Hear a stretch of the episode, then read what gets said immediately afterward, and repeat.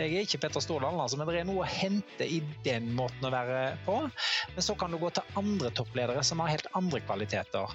Så det å la seg eh, være ydmyk på at du kan lære og bli inspirert. Jeg hadde en veldig sånn fin med Nicolai Tangen, sant, som nå er ny uh, sjef i oljefondet. Han sa noe som jeg syns er fint. Han, han sier at kunnskap eh, gjør deg dårligere. Så det å være nysgjerrig på veldig mange ting Han er opptatt av kunst, han er opptatt av mange ting. Det gjør han bare bedre. Velkommen til I loopen, en podkast fra Deloitte som eh, holder deg i loopen på det mest spennende innen eh, norsk virksomhetsliv. Og hei til deg, Andreas. Hei, hei, Guro. Eh, velkommen. Velkommen, ja. og herfra har vært vårt hjemmekontor. Ja, ja, Begynner nesten å bli vant til ny intro nå. Ja, så vidt. Det føles fortsatt litt uvant, men uh, for de lytterne som kanskje ikke har hørt de forrige episodene, så har vi altså nytt navn. Før het vi Deloitte-kast, og nå heter vi I loopen.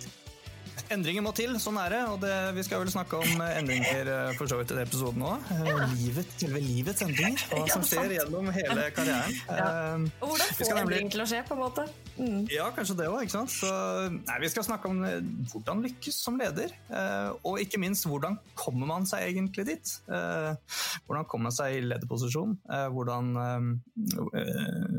er det, er det, noe man må på en måte, det, Hvilke viktige ting er det man må lære for å komme dit og for å lykkes eh, der?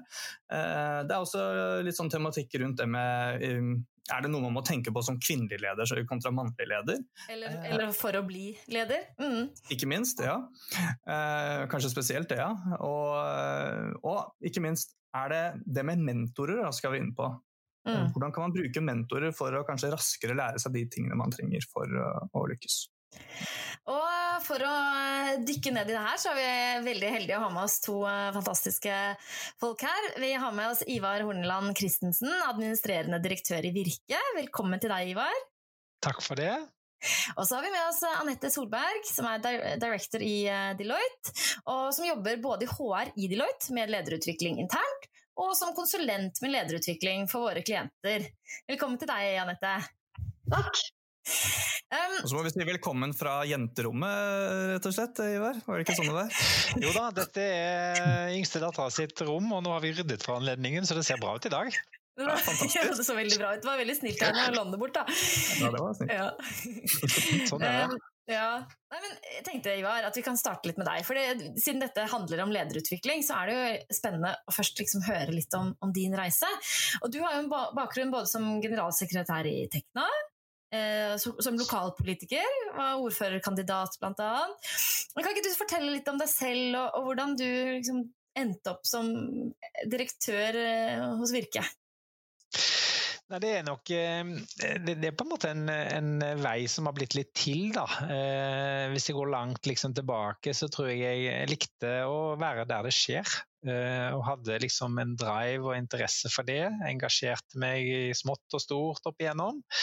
Eh, så jeg tror det ligger noe i, i, i liksom den der nysgjerrigheten og de tingene der. Da. Og så har jo, når jeg da begynte mer i det profesjonelle livet, så, så fikk jeg etter hvert muligheter, og tok de mulighetene som kom, uten at jeg tenkte at ok, hvis jeg gjør dette, så kan jeg komme dit og sånn. Det, det var mer at du du ble revet med der du fikk muligheter og fikk ansvar, og fikk tidlig ansvar, faktisk. Ehm, og så Nei, altså jeg, jeg tror ikke jeg hadde jobba mer enn eh, et par år før jeg fikk ansvar for et sånt prosjekt, da, eh, der jeg jobba da. Og så eh, var jeg jo leder faktisk fire år etter at jeg var utdanna og fikk ansvar for folk, og har hatt det siden. Så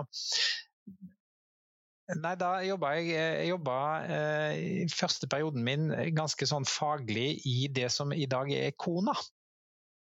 Som er altså organisasjonen for eh, økonomer, da.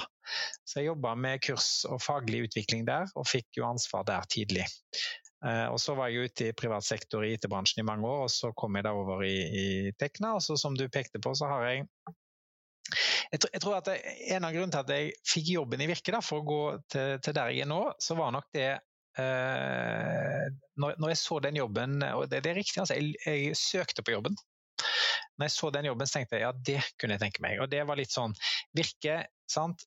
Det er muligheter, det er en utfordrer. Det var liksom en sånn oppgave som jeg tenkte det hadde vært gøy å se om vi ikke kunne fått, fått, til noe. Det har jeg lyst til. Så jeg søkte på jobben. Så tror jeg jeg ble vurdert fordi jeg hadde jobba i privat sektor, jobba både hjemme og i Norden og litt ute i Europa. Eh, så jeg hadde vært i IT-bransjen, vært med opp, vært med ned.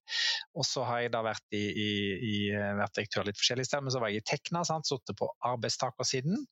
Dette virker jo arbeidsgiversiden. Også det at jeg hadde jobba i politikken.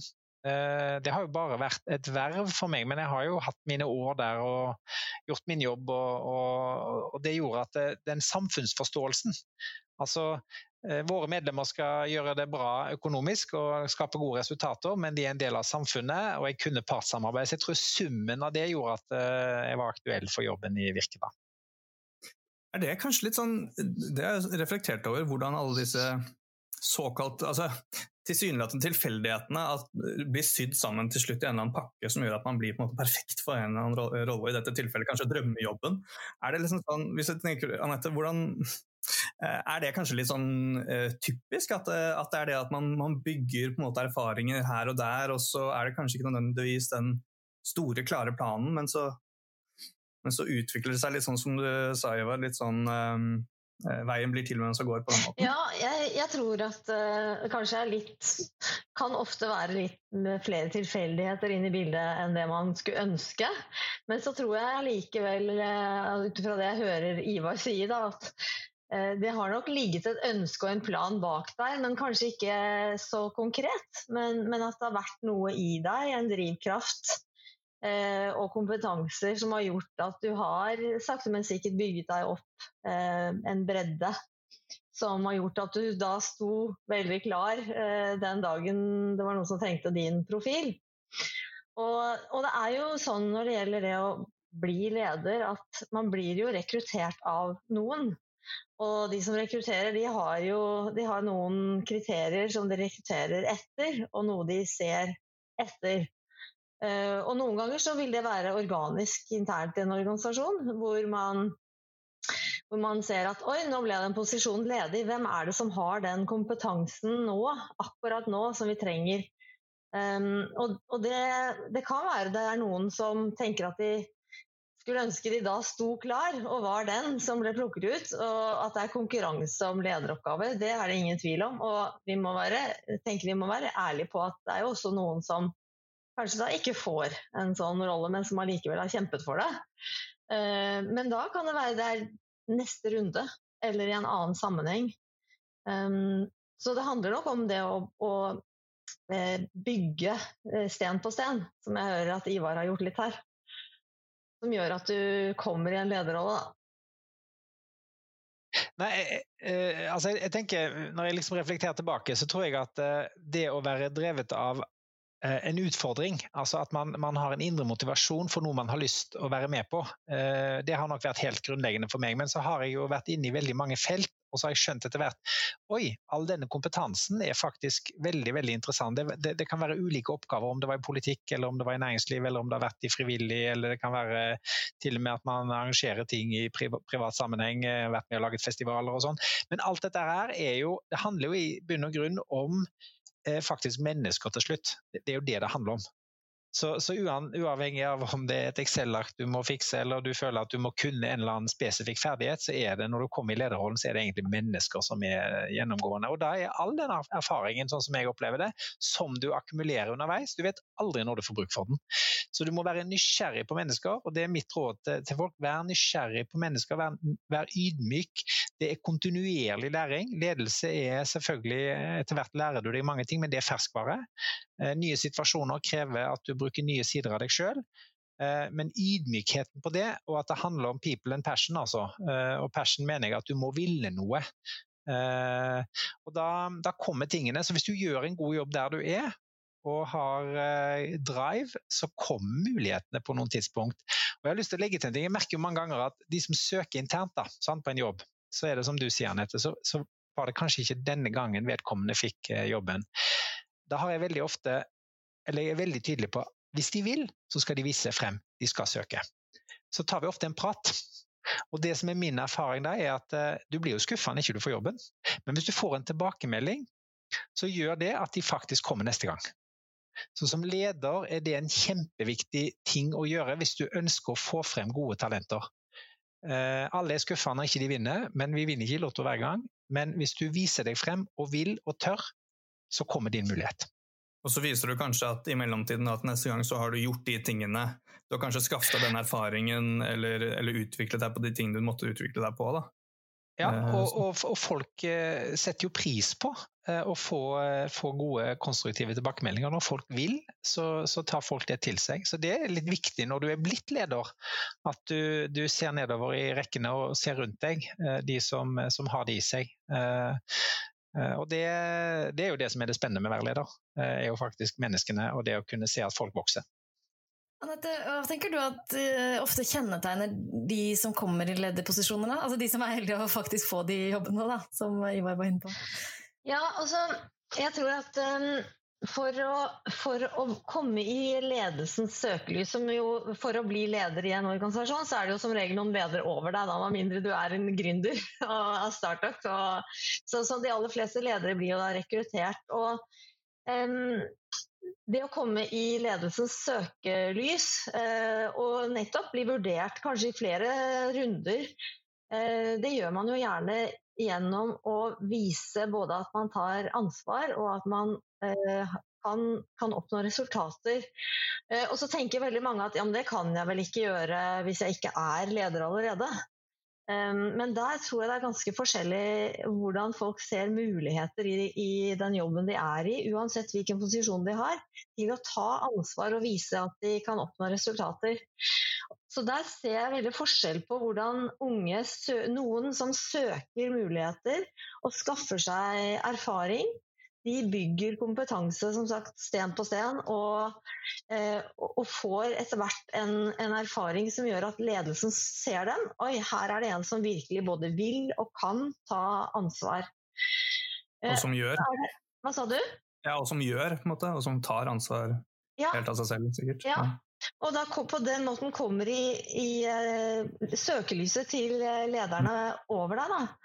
Uh, og, og, og, så ser jeg jo at altså, så er det jo litt å så er det litt å skille mellom så hva, vi ønsker, hva skulle vi ønske at uh, var kriteriene for å bli leder og være en god leder, og hva, hva er det som faktisk slår ut når man blir rekruttert. Og det vi ser er at eh, det er ofte at det, tungen på vektskåla ligger ofte på de faglige, strategiske eller forretningsforståelsesdimensjonene i ledelse, som, som, ofte gjør at du blir raskt blir synlig. Da at du viser disse resultatene. Um, og, og, det vi ofte ser, da, jeg som har jobbet med lederutvikling i så lang tid, jeg ser jo at um, mange av de lederne som har vært rekruttert, i hvert fall til nå, de har ofte vært dyktige fagfolk. Eller dyktige forretningsfolk. Eller dyktige på å løse samfunnsoppdraget. Og særlig toppledere. Uh, og um, Eh, og, og, da er det jo noen kompetanser som kanskje ikke blir lagt så mye vekt på som man, eh, som man, som man ser når man først kommer i rollen. Så oppdager man at oi, ja, jeg, jeg, er en veldig god fagperson, og jeg har lykkes i det faget jeg er i. Men, eh, men så kan det være da, noen ting man ser at eh, her må jeg utvikle meg. Og Det er da man begynner å bli en god leder. Man begynner å være nettopp ha den ydmykheten, nysgjerrigheten, interesse for menneskene. Eh, at, altså, å begynne å utvikle de sidene av seg selv enda mer. At eh, bredden i ledelsesfaget begynner å, eh, å komme fram. Da. Hvilke tematikker er det du ser at man typisk trenger hjelp da, til å utvikle seg på? Ja, altså Jeg det er, det er, mange, da. Ikke sant. Og te, te, altså, faget ledelse har jo hatt en eksponentiell vekst fra 80-tallet til nå med type forskning, litteratur, verktøy, metoder. Eh, det er jo en jungel der ute. Eh, og, og, så er det noen som lanserer nye retninger, og så går man litt i den retningen, og så kommer det nye. Men hvis jeg skulle oppsummere da, eh, så er det veldig sjelden at det er fagkompetanse. Noen ganger er det forretningsforståelse eller konkurransekraft. Men, men jeg syns kanskje aller ofte så handler det litt mer om den andre siden av ledelse, nemlig det relasjonelle. Relasjonsmot, relasjonskompetanse og forståelsen for mer kanskje den emosjonelle siden av mennesker i arbeid. Da. Vi er veldig produksjonsorienterte, og så misser vi av og til litt på det relasjonsorienterte. Og det gjelder jo ikke alle ledere, men jeg ser i hvert fall i lederutviklingsprogrammer så er det veldig sjelden vi trenger å legge inn så veldig mye fag. Altså det de, faget de jobber innenfor. Noe innimellom, men som regel handler det om den siden som Ivar peker på. Eh, den, den mer relasjonelle siden av ledelse. Det går på kommunikasjon, eh, feedback, eh, være en inspirerende leder, involverende leder osv. Og så er det én ting til, og det er prosesskompetanse. Um, og eh, til tider også litt prosesstålmodighet, som, som, er et ord jeg har funnet opp sjøl. Det er jeg litt stolt av. Fordi du, Og prosesskompetanse, hva legger du i begge delene? Ja, altså Det handler om at um, når vi leder mennesker, så, så, må vi forstå at mennesker de både endrer seg og utvikler seg litt forskjellig. Og da trenger man å også kunne forstå de prosessene man må både kunne gjennomføre prosesser på en involverende, inkluderende måte, um, men også hvilke virkemidler som må til, f.eks. i en endringsprosess. Da. Uh, å ha prosesskompetanse handler også om å forstå menneskelige prosesser, ikke bare strukturelle prosesser. Jeg kjenner meg veldig igjen i det. Jeg synes det er et godt ord, prosesstålmodighet. fordi eh, når man da sitter som leder, så, så, er jo ansvaret på en måte å, å, nå målene, og du skal få dette til å sildre nedover i organisasjonen, og du skal få organisasjonen med på det. og når man da syns utfordringen er spennende og man er utålmodig og, og, har egentlig skjønt det, så har jo ikke organisasjonen skjønt det. Så den der prosesstålmodigheten, den, den blir man utfordra på som leder. Så jo raskere man blir bevisst på det og, og, og jeg vil jo si at hver, altså enhver jobb har endring i seg, og du lærer noe nytt hver eneste gang. Det er ingen av disse som er like, men det å kjenne litt på hvor er egentlig organisasjonen nå? Hvor er disse menneskene? Da er det ikke regnearkene og summen i de, for det er egentlig det enkle. Men det handler om, om at de har gått om bord. Eh, hvem er på en måte lead på dette? Hvordan får du det til å skje? Det er det som er utrolig fascinerende. Jeg har ikke vært inne i én en eneste sånn endringsreise som har vært lik. Det har alltid vært noe nytt, noe nytt å lære. Så prosesstålmodighet det tror jeg vi som er ledere kan uh, ha hengende over senga, også, fordi det er fort å være for rask på det. og jeg har uh, jeg kan jo bare legge meg inn i kurven og si at det, har jeg vært for rask på. Så jeg har noen eksempler på at uh, her har man kasta seg frem og tenkt at nå, nå kjører vi, og så merker du at toget ikke kommer skikkelig i gang, og så må du faktisk litt tilbake. Jeg har vært fremme på slagfeltet uten her, altså, noen ganger. Og kommer sikkert til, kommer sikkert til å gjøre det flere ganger òg. Kan kunne du sagt litt om hvordan det utspiller seg i praksis? For, å høre, som du har ja.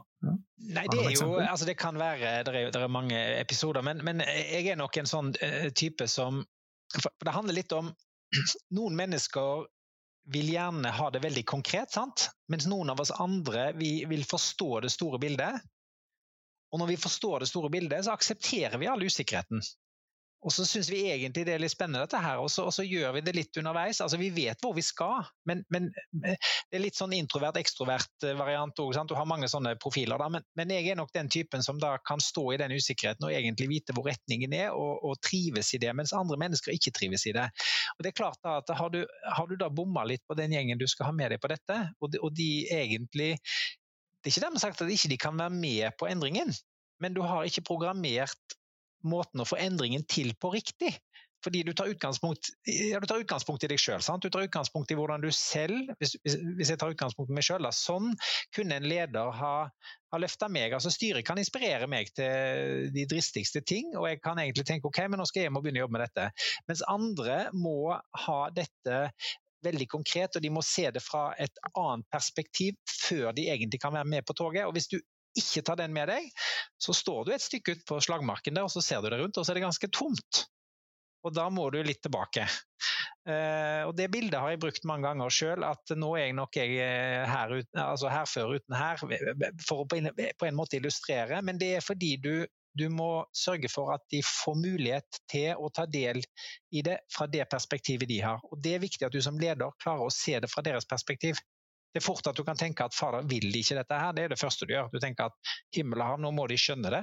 Men det er ikke sånn det. Du må forstå hvor de er, og så må du evne å legge til rette for det og få andre med deg på det, og så får du kritisk masse.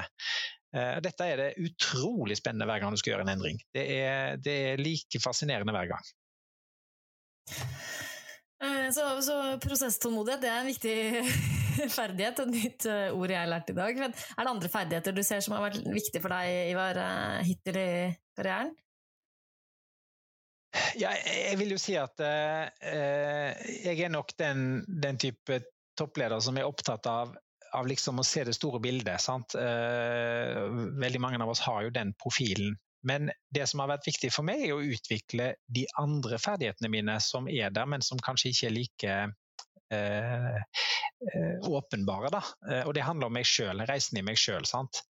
Eh, og så vil jeg jo si at eh, det å ha Eh, altså Enten det er et godt styre du har, eller, eller at du har eh, gode inspiratorer på, på, på, på, mange steder utenfor organisasjonen òg, har nok vært viktig for meg. Altså Det er, er, personer som jeg syns har vært fascinerende på hva de har fått til. Uh, altså hvis, hvis, uh, bare for å ta Petter Stordalen, han, når, du ser at han står på scenen altså, Han tar jo det helt ekstreme på, på en måte å begeistre. Så er det jo noe det er jo noe å hente Jeg er ikke Petter Stordalen, altså, men det er noe å hente i den måten å være på. Men så kan du gå til andre toppledere som har helt andre kvaliteter. Så det å la seg uh, være ydmyk på at du kan lære og bli inspirert. Jeg hadde en veldig sånn fin eh, eh, med Nicolai Tangen, sant, som nå er ny eh, sjef i oljefondet. Vi hadde en ganske sånn eh, fin prat der. Og, og, og, han sa noe som jeg syns er fint. Han, han sier det at eh, Liksom det, det, er aldri sånn at kunnskap gjør deg dårligere. Så det å være nysgjerrig på veldig mange ting Han er opptatt av kunst, han er opptatt av mange ting. Det gjør han bare bedre. Og det, det var ingenting å tape, liksom? Nei, men jeg tror han har et poeng. Ja, han har et poeng at, eh, at nysgjerrighet på, på, flere felt kan gjøre deg mer robust og bedre som, eh, som leder. Da. Mm. mm. Ja, noen ganger så, så, Jeg vet ikke, det kan kanskje føles som at liksom det man kanskje har mest å tape på, da, er jo tid. Fordi det tar jo tid å lære. Tar, du må investere mm. tid, om det er å forstå fra andre, eller om det er et fagfelt som er litt ukjent, men som du kanskje tror, kanskje tror du kommer til å trenge. Det er ikke sikker engang. Du må kanskje investere litt tid i det. Prioritere det som er Ja, om det er kundeforståelse, eller om det er noe helt annet. Ja. Men hvis jeg kan si en ting der. altså leder, eh, Dette kan sikkert Anette følge på med òg. Altså, lederjobben blir jo mer krevende, vil jeg si, fordi det blir større usikkerhet, og endringstakten går opp. Bare covid-19-utfordringen vi har nå, gjør at endringstakten går opp. Så som leder så har du ikke noe valg, altså. Hvis du skal overleve som leder, så må du være ydmyk, men du må òg være lærende, og du må lære raskt. Og Det er bare et premiss, det må du trives med, mener jeg. Så betyr ikke det at mm. ikke du skal ha struktur og prosess og prosesstålmodighet, men, men det er bare hvis du skal være en leder som ønsker å komme opp og frem, så må du ha det som et, en sånn grunntese at, at, sånn blir det, og det kommer til å gå fortere. Men du må da lære deg til å bruke menneskene rundt deg. For det er de som egentlig er kilden din til at du lykkes, for du kan ikke kunne Altså, eh, jo mer du kan om deg sjøl, jo lettere blir det òg å forstå hvordan du kan bruke de andre rundt deg. Så, så der ligger nøkkelen, mener jeg. Og det ser man kanskje ikke før man har kommet litt opp i en lederjobb når man går fra en faglederjobb til en, til en større jobb. Eh, den kollektive kompetansen i organisasjonen er fantastisk hvis du klarer å kanalisere den riktig og utvikle den riktig og sette premissene for det. Eh, da kan du mm. lykkes, da kan det gå fort, da kan du få til endringene og da kan du skape resultatene. Og Dette er det ledere nå blir utfordra på i mye mye større grad. Flatere organisasjoner som skal ta raske beslutninger for å kunne nå målene sine, men da med en retning og en prioritering i det. Det, det, det, blir hardere og tøffere å være leder, men jaggu blir det mer gøy òg. Ja. ja, Ivar treffer jo på det meste av det vi snakker om, da, nettopp Om ja. usikkerhet og, tydelig retning, men ikke nødvendigvis uh, helt klar vei hele, rundt hver, hver sving. Jeg tror at mange ledere i framtiden vil kunne møte litt en vegg hvis de ikke har den Eh, ja, kapabiliteten kan du si, som heter fleksibilitet. Altså evnen til å tilpasse seg nye situasjoner. Hvis man er veldig opptatt av å følge gamle rutiner og, og stå litt fast i det, så, så, tror jeg man kan få noen utfordringer i framtiden. jeg tenker at uh, unge, unge ledere som ønsker å få en lederkarriere, eller unge mennesker som ønsker en lederkarriere, Eh, de har jo en fordel ved å ja, selvfølgelig i utgangspunktet være kanskje mer oppdatert i forhold til hva den generasjonen trenger for å bli motivert, men har også en fordel med å, med å kanskje vært i skiftende eh, altså at deres oppvekst har vært litt mer skiftende faser enn det kanskje folk på min alder. Da. Eh, og, og, og dermed har kanskje en iboende fleksibilitet men, men, jeg merker også at uh, selv også ganske unge mennesker som sitter langt opp i en organisasjon, har også en tendens til å miste litt av den. Uh, den fleksibiliteten, nysgjerrigheten og interessen. Da. Så jeg tror at noe jeg tror er en suksessfaktor fremover er, for ledere, er nettopp å være opprettholde den nysgjerrigheten på de mekanismene som er i markedet eller i fagfeltet. Det er jo det er ikke alle som har et marked, men de har jo brukere um, og, og, klare fagfelt. Um, men også hvilke mekanismer som gjør at organisasjonen lykkes. Og da må man også være nysgjerrig på det interne, i, på de prosessene som gjør at folkene dine har lyst til å gjøre en god jobb uh, og er motivert. Og det er liksom den hodet i strategien og føttene godt plantes blant folkene dine. Det er der du må være som leder, og liksom favne hele det store der. Da. Det er enormt. Så du klarer ikke å gjøre alt alene. Så ledelse skjer jo ikke i vakuum. Det skjer i en kontekst, og det skjer sammen med andre. Uh, og det tror jeg er veldig viktig at, uh, at, vi tar med her. At skal du utvikle deg som leder, så trenger du å få gode um, støttespillere rundt deg, og, og, du må ha followers. Du må, du må, vite at du har folk rundt deg som, som, også bærer på den samme drømmen som deg, og som kan hjelpe deg nettopp med å favne det, det ganske store omfanget som ledelse innebærer jeg tror at Vi skulle legge til en ting til. Jeg tror det med, med type ydmykhet og sårbarhet er også et poeng oppi det. For Hvis du er, er trygg, så tør du òg være det. fordi For det første kan du ikke alt. Eh, du kan ofte mye mindre enn alle de du har rundt deg, men det er jo det det samspillet. Så, så det vi, altså du, Idet du tar på deg lederjobben, så, så er det Eh, skapes det, altså, det er et bilde i organisasjonen av hvem du er, og du har på en måte makt i form av den stillingen du har. Men det å være da ydmyk, men òg vise sårbarhet, eh, med det mener jeg eh, organisasjonen utvikler seg, går kanskje gjennom krevende endringer og omstillinger, det kan være kunder man mister, det kan, det kan være så mange ting. Sant?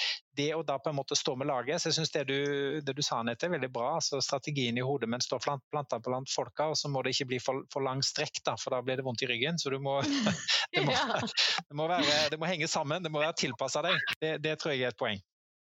Mm. jeg har jo sett ledere som kanskje um, har blikket for mye festa utad også, og så mm. glemmer nesten egen organisasjon, som syns det er så gøy å være ute om og mene og forme og påvirke og alt. Og så glemmer man kanskje at uh, man ligger noen år foran resten av mm. organisasjonen i tenkingen.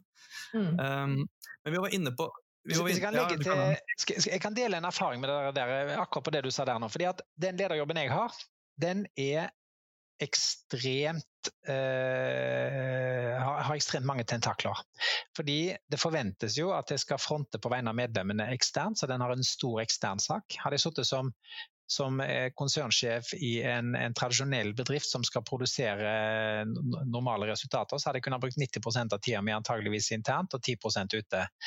Men samtidig så har jeg masse kompetente medarbeidere som forventer at jeg er inne. Så akkurat det du peker på der, Andreas, det, det er sånn viktig. Og, og, den er en av de som utfordrer meg veldig kraftig. Sant? Med pandemien nå så har vi vært masse på, og vi måtte det. Men samtidig så klarer du da kanskje ikke å levere like godt internt. Så det å hele tida finne den, og det er iallfall den type jobb som, som, som er City, da, som har på en måte forventninger både eksternt og internt. Uh, vi har masse utrolig kunnskapsdyktige medarbeidere i Virke som forventer at du er der. Så, så, eh, det der kjenner jeg meg veldig igjen i, og det å finne balansen på det er en krevende bit av min, av min lederjobb. I tillegg til det å være direktør i Virke, så er du jo også en av mentorene i dette programmet som heter Ski Leads, som er et uh, lederutviklingsprogram som bl.a. Deloitte, Deloitte er med å utvikle og levere. Kan du si litt om hvorfor du ble, ble mentor der, Ivar? Jo, For det første så, så er jeg ekstremt opptatt av uh, å kunne gi tilbake og være med og utvikle ledere, men ikke minst flere kvinnelige ledere. For det trenger vi. Hvis ikke vi får det til, så får vi dårlig verdiskapning. Mm. Så det handler om å kunne være med, og jeg syns det er utrolig givende. Så når jeg ble spurt om det, sa jeg ja med en gang.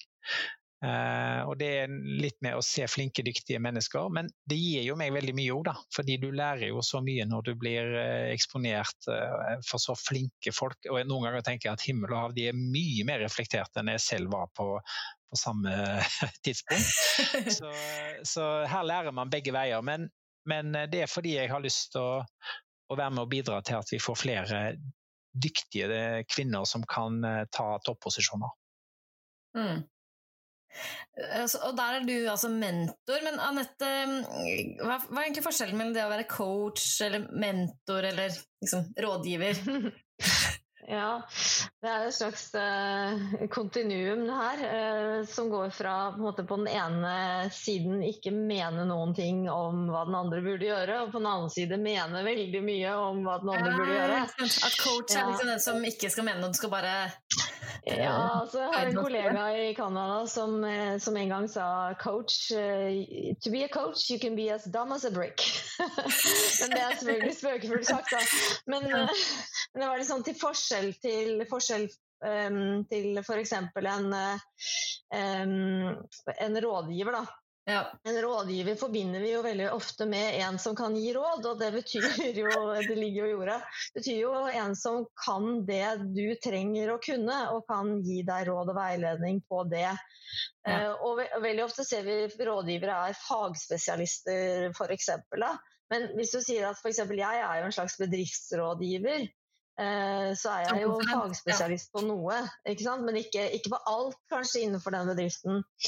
Eh, men så har du da coachen som er litt mer den som skal få andre til å finne svarene selv og utforme svarene selv. Det er på en måte coachingens natur.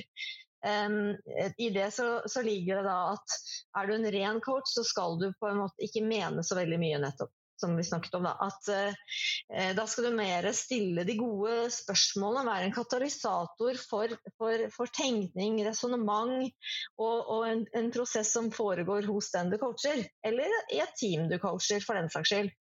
Eh, mens en mentor er en, en, slags blanding av de to, og så har den en tilleggs Eh, altså blanding av coach og rådgiver. Altså en mentor kan i større grad gi råd, men samtidig så har den en tilleggseffekt. og det er liksom kanskje enda litt mer sånn omsorgsbit. Som, som handler om å liksom se hele mennesket som man er mentor for. Se de utfordringene vedkommende står i. Eh, både være coachende, men også være rådgivende. Og kanskje til og med en døråpner i enkelte sammenhenger der hvor det er mulig. Eh, I, i Ski Lead så er, jo, eh, så er man jo hentet da er mentor og menti fra forskjellige organisasjoner. Mens hvis man har en intern mentor, så kan det være nettopp en som som skal være der og åpne litt dører for, eh, for kandidatene, eller mentien, da, som det handler om. Men en mentor vil definitivt være, nødvendigvis være en som sitter på et stillingsnivå høyere opp, kanskje flere nivåer, og har lengre erfaring. Mens en coach behøver ikke ha det. Nei, ikke sant. Hvordan kjenner du deg igjen i dette, Ivar? Nei, det, jeg syns det gir veldig mening. Og eh, det som jeg syns har vært spennende med Ski Leads, er jo at eh, når vi da er fra forskjellige organisasjoner, så det første man må gjøre er jo liksom Hvem er vi som personer, men hva er på en måte landskapet i den organisasjonen eh, som, som, hun jeg er mentor for? Så, så, så det, var, det, var, liksom noe med Og, og det er spennende, sant? Da finner du ut hva er utfordringene der, hvordan er det? Og så er det som, som du sier, Anette, det, det, går like mye på å kunne gi råd. Fordi eh, jeg opplever at alle disse i Ski Leads de har ambisjoner de vil ting. Eh, så det har noe med liksom å, å, være den kloke rådgiveren på hva er skrittene du bør ta, hvordan kan du tenke, hvordan bygger du nettverket ditt i den organisasjonen du skal ha, eller hvis du skal over i en annen jobb, hvordan gjør du det, hvem kan hjelpe deg. Og Der tror jeg at eh, vi som er mentorer her nå, kan være døråpner og faktisk mm. eh, sørge for at den, en, den, ene telefonen du gruer deg for å ta, som du bør ta, og som får ting til å rulle, at det blir lett. altså. Det er ja. iallfall der jeg har vært med å bidra. Men jeg syns det har vært så gøy. altså Hun som jeg er mentor for, har jo nå de målene vi satt. Hun har faktisk nådd de, nådd de målene allerede nå, og det har vært så gøy. Og det, det var jo Når startet dere, da? Hvor lang tid? liksom? Vi, vi, startet jo nå i var det september, var det ikke det? Ja, august. det var slutten av august. Mm. Ja. Uh, og her var det da, I dette tilfellet så var det et ønske om å få en, en, en stilling et annet sted. Uh, og uh, det begynner jo hun i nå i 1. mars, da. Så det har vi lykkes med. Så, det er gøy. Ja, det er kjempegøy. Mm. Veldig kult. Du var litt inne på du... Oi, Unnskyld. Kjør på, Andreas. Jeg bare lurer på hva du har eh, lært da, så langt. Nei, altså, eh, eh jeg, altså For meg har det vært utrolig spennende ut ifra at vedkommende har et helt annet fagområde enn meg. Så jeg har, har lært liksom om den, den, dynamikken og lært om, om, den reisen som hun har vært gjennom. Men um, og, og, det, og, det, gikk jo egentlig ganske fort. Jeg vil jo si at det var ganske gryteklart, egentlig. Så jeg tror når, når, eh, når vi først begynte å snakke om dette i Skileads og, og satt noen mål og hadde disse møtene, så er det noe med at når prosessen begynner å rulle, så skjer ting ganske fort. Så når, når mm. hun åpnet opp, så var det jo ikke bare ett tilbud, det var mange tilbud. Og det, ja. så, det, så, jeg egentlig ganske tidlig, at denne kompetansen her er veldig attraktiv, men det har noe med at du må være trygg på å åpne opp. Mm. Uh, så det var jo veldig gøy. Så det var faktisk eh, tre ulike tilbud, så, så problemet ble hva skal jeg velge? Uh, tenk på det, luksus. Uh, og nå tror jeg hun har valgt noe som er veldig veldig bra for neste karriereskritt. Da. Så det mm. var utrolig gøy. Har du hatt noen mentor selv, eller? Ja, jeg, jeg, jeg har det, men men eh, altså, jeg har hatt eh, personer som både har vært leder for meg, men som òg har vært personer jeg har møtt i um, Som har vært ledere som har vært på høyere nivå enn meg, som jeg har hatt gode relasjoner til, og som jeg har brukt. Men jeg har ikke vært del av et mentorprogram. Mm. Uh, og så har jeg hatt litt sånn coach innimellom på noen, noen tidspunkt. Men når jeg nå ser tilbake, så ser jeg jo at noen av disse personene har jo vært viktige for meg egentlig mm. avgjørende, faktisk. Fordi eh, de har eh, gitt noen kloke råd og, og sørga for å ha vært med i noen av de prioriteringene som jeg har måttet ha gjort opp igjennom. Eh, men jeg, jeg, jeg har ikke gått på noen type ikke skileads, men type den type program. Det har jeg ikke gjort. Mm. Det er jo kanskje vel så vanlig, det. å å knytte seg til mennesker liksom, mer uformelt enn innom et program, for så vidt. Men uh, hva, hva, hva, kan man gjøre da, Anette, for å få seg en mentor? Hvis man sitter der bare 'søren, dette hørtes helt fantastisk ut'. Uh, hvordan får man seg mentor, liksom? Ja, øh, det man kan, hvis man er kvinne, så kan man jo eh, kontakte Ski Community og spørre om å få være med i Ski Lead. Men, eh, for der, der, er det både mentorprogram og lederprogram. For det skal kjøres et nytt program, ikke sant? Det ja, ja, det kommer til å komme nye programmer. Og vi har både det programmet som Ivar har mentor i. Eh, det er jo et program som opprinnelig skulle kjøres fysisk med ti samlinger i året. Nå har vi jo hatt to av tre samlinger, nei, to av fire samlinger har vært digitale eller virtuelle. da og det blir nok flere av de. Så har vi også et eget virtuelt program, som er et lederprogram, men hvor det også legges opp til å legge et, et, mentorprogram i tillegg, som ikke nødvendigvis henger sammen på samme måten. Men det er, det er litt ulike varianter da, som kommer til å komme på, på skiprogramporteføljen. Men utover det, så til spørsmålet ditt, Andreas. Eh, det er klart det er mange måter å få seg en mentor. Og jeg tenker at eh, hvis man skal gi råd til, eh, til, folk om hva de bør gjøre for å, for å, bli leder, hvis de har lederambisjoner, så er dette med nettverk og nettverksbygging kanskje en, av mange nøkler, da, men en ganske viktig en. Mm. Eh, skaffe seg nettverk både utenfor eh, organisasjonen, fordi der ligger det jo muligheter, som Ivar jo nå har fortalt om en av våre mm, deltakere har har brukt uh, muligheter utenfor. Men hvis man også ønsker muligheter internt i en organisasjon, så er nettverk også viktig. Og ikke være redd for å ta kontakt med ledere som sitter lenger oppe i organisasjonen din, og, og f.eks. Eh, ja, rett og slett være åpen om at jeg er veldig nysgjerrig på hvordan det er å være leder eh, i dette selskapet, denne virksomheten. Jeg har kjempelyst til å lære. Adressere det oppover. Um, og, og, kanskje rett og slett spørre direkte. Eller spørre sin egen leder om, eh, om vedkommende kan, kan, ta dette opp f.eks. som et, eh, et, tiltak for flere i organisasjonen. Mm. Og så har vi jo sett mange sånne eh, mentorprogrammer og mentortiltak eh, både hos våre kunder og oss selv. At, eh, at, det er alltid en sånn tveget sverd. fordi Hvis det er noen som blir plukket ut for å være men menti og få en mentor, så er det alltid noen som sier at eh, ja, men hvorfor får ikke jeg det? og så oppstår det en dynamikk der også. Så det er klart det er, det er noen fordeler og så er det noen, noen, ulemper. Og noen ganger kan det være en fordel å få eh, en mentor som ikke er i ditt eget uh, selskap eller din egen virksomhet. Nettopp for å liksom kanskje ikke um, nødvendigvis utfordre uh, dynamikken internt. da. Det, det kommer helt litt an på HR og hvordan HR jobber med dette. Men man kan jo spille det inn i sin egen organisasjon, og så kan man, så kan man bruke nettverket sitt.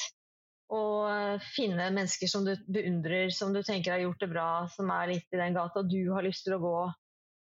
Um, bør man, bør man ha noen som, som, er uh, litt lik seg selv, slik at man kan på en måte relateres på den måten? Eller bør, bør man se etter noen som er liksom en rake motsetning, så man kan lære så mye som mulig?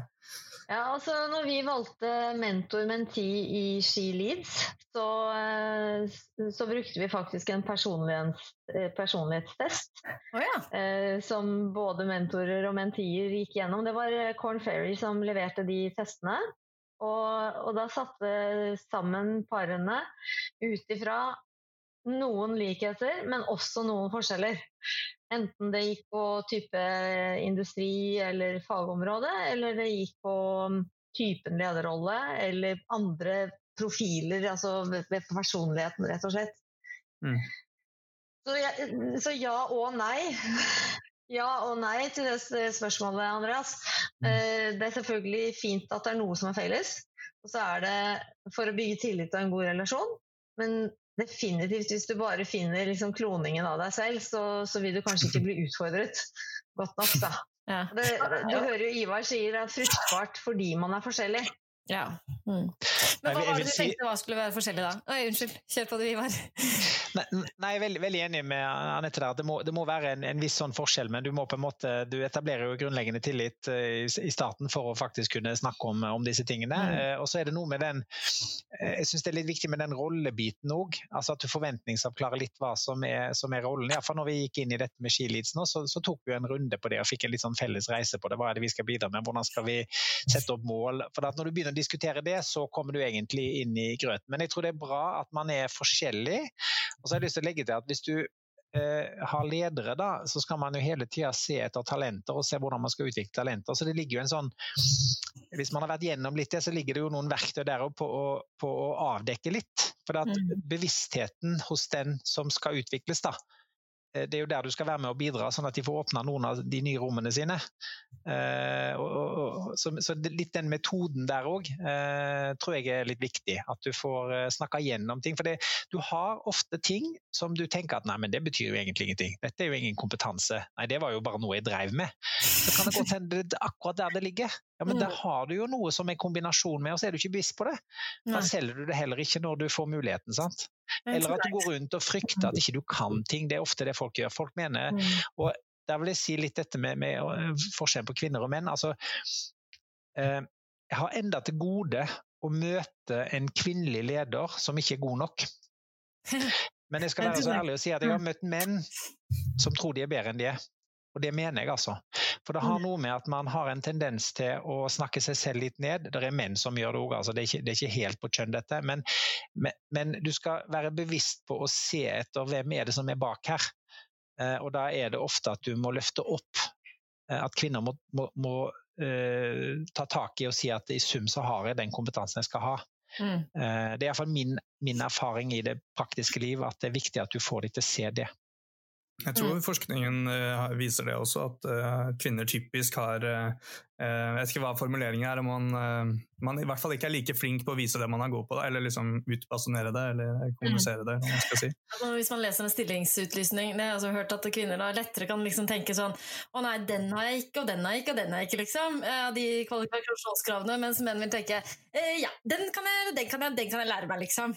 Og det er jo selvfølgelig veldig svart-hvitt, da. Men, men jeg har også hørt at det er forskning bak det, ja. Mm. Ja, og jeg peker jo litt tilbake til uh, hvert fall det jeg tenkte jeg sa litt om innledningsvis. Uh, hva kjennetegner de som kommer inn i lederposisjon? Og her kommer vi jo litt på, inn på et litt krevende tema, men, men uh, dette med unconscious bias og at de som sitter i lederposisjon, de, de, leter kanskje ikke alltid etter de som ikke er så flinke til å synliggjøre resultatene sine, eller som kanskje ikke viser de resultatene man ser etter, men har andre resultater. Så her tror jeg det er veldig viktig at kvinner er De skal ikke bli gode, de skal ikke bli dårlige kopier av menn, men de kan kanskje være flinkere til å synliggjøre det verdibidraget de har der de er, uansett nivå. Sånn at de blir sett eh, av de som rekrutterer til lederposisjoner. Du skal jo på en måte selge inn deg selv litt i en sånn eh, rekrutteringsprosess. Ja, litt så må man det, altså. Eh, mm. Det, er, det, hender Jeg har snakket med ledere som har blitt overrasket over at de har blitt rekruttert til en rolle fordi de har blitt sett for noe de ikke har vært klar over at de har hatt selv. Og det syns jeg er litt interessant. Er det noen der oppe i toppledelsen som har sett at ja, men hun der Uh, hun, hun, kan faktisk passe inn her! og så har vedkommende blitt totalt overrasket og overveldet over det, men opplever at det, wow, jeg behersker det. Så det finnes også sånne eventyr Eh, der ute, heldigvis, da. Men i det store og det hele så tror jeg at kvinner flest må bli enda litt flinkere til å synliggjøre sitt verdibidrag. Og ikke å prøve å bli lik menn, men å synliggjøre hvor viktig det er deres bidrag er. hvis vi skal gi noen tips til lytterne, da, og så kan vi bruke Andreas og meg som eh, case. på en måte. Hvis vi skal tenke at uh, Andreas og jeg vi er i starten av 30-årene og vi ønsker en topplederstilling om ti år. Hva ville dere sagt til oss da? Ivar? Hvis jeg skal begynne, så har jeg eh, Jeg har egentlig tre ting, da. Eh, det derre å være ydmyk, nysgjerrig og, og, sårbar, altså at du er villig til å lære, og at du er villig til på en måte å ta inn hele det registeret, det, det tror jeg er viktig å, eh, å, være bevisst på og si at det trives jeg med, og det, det, er noe av det som skal gi meg erfaring og gi meg læring. Jeg, jeg tror det er et nøkkelpunkt. Og så tror jeg det er uhyre viktig at ledelse handler om mennesker og ikke Excel-ark. Altså, Anette var inne på det i stad med det faglige. altså det kan du lære deg, hvis du skjønner meg. Eh, så det er, det er, noe med at det er people and passion. Og Det betyr òg at du må ha en drive, en passion for, for eh, en retning som du vil i. Og så Det siste jeg vil si er ja, skaff deg gjerne tenk deg gjennom hvilket nettverk har du, hvem er det du kunne skaffe deg som en form for mentor eller, eller samtalepartner om den veien du skal gå. Eh, skaff deg gjerne en eller to, og bruk det aktivt. De vil være med og bevisstgjøre deg, og så må du da ta lodd. Du må ta lodd i de mulighetene som kommer. Du kan ikke sitte etterpå og si at eh, jeg tror jeg mangler fem, fem centimeter. Da går du inn, altså. Eh, så, så, så, de mulighetene som kommer, ta de og gjør de ordentlig. Mm. Anette, hva med deg? Ja, det, Ivar har jo mange gode poenger, så jeg vil bare eh, si halleluja til de. Men uh, i tillegg, um, kanskje litt det jeg allerede har nevnt, dette med nettverk. Uh, skaff, skaff, deg et uh, nettverk Eh, tør å gå og spørre de eh, lederne som, som, du kanskje ikke snakker med til daglig, men som du er litt nysgjerrig på. Ta en kaffe, still dem spørsmål, vis at du er interessert. Fordi selv en toppleder syns det er hyggelig at en ung person tar kontakt og sier 'jeg er bare så nysgjerrig på hva du driver med, jeg har så lyst til å høre om det'.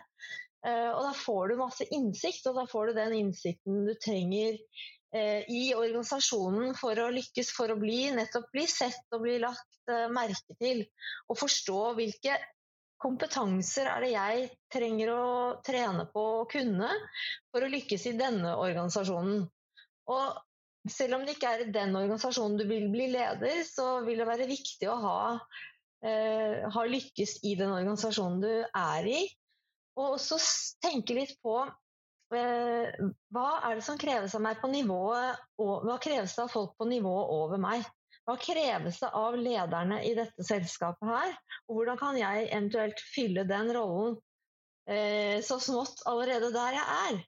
For ofte blir man sett på som ledertype hvis man klarer å vise de kompetansene allerede i den rollen man er i, og ikke vente på å bli leder for å vise lederskap. Nei, ikke sant. Mm. Ikke vente på å bli leder for å vise lederskapet. Dere på neste nivå det er fine siste ord. Ja. Ja, og så har vi jo vårt siste spørsmål, da, om vi har tid til Vi er litt på overtid. Bare sånn eh, veldig kjapt, da, eh, dere begge. Hvis det er én ting lytterne skal huske fra denne samtalen her, hva er det? Jeg, da vil jeg si at det handler om uh, people and passion. Og jeg syns Nicolai Tangen sa noe fint når vi var sammen. Han sa det at kjærlighet kan ikke delegeres.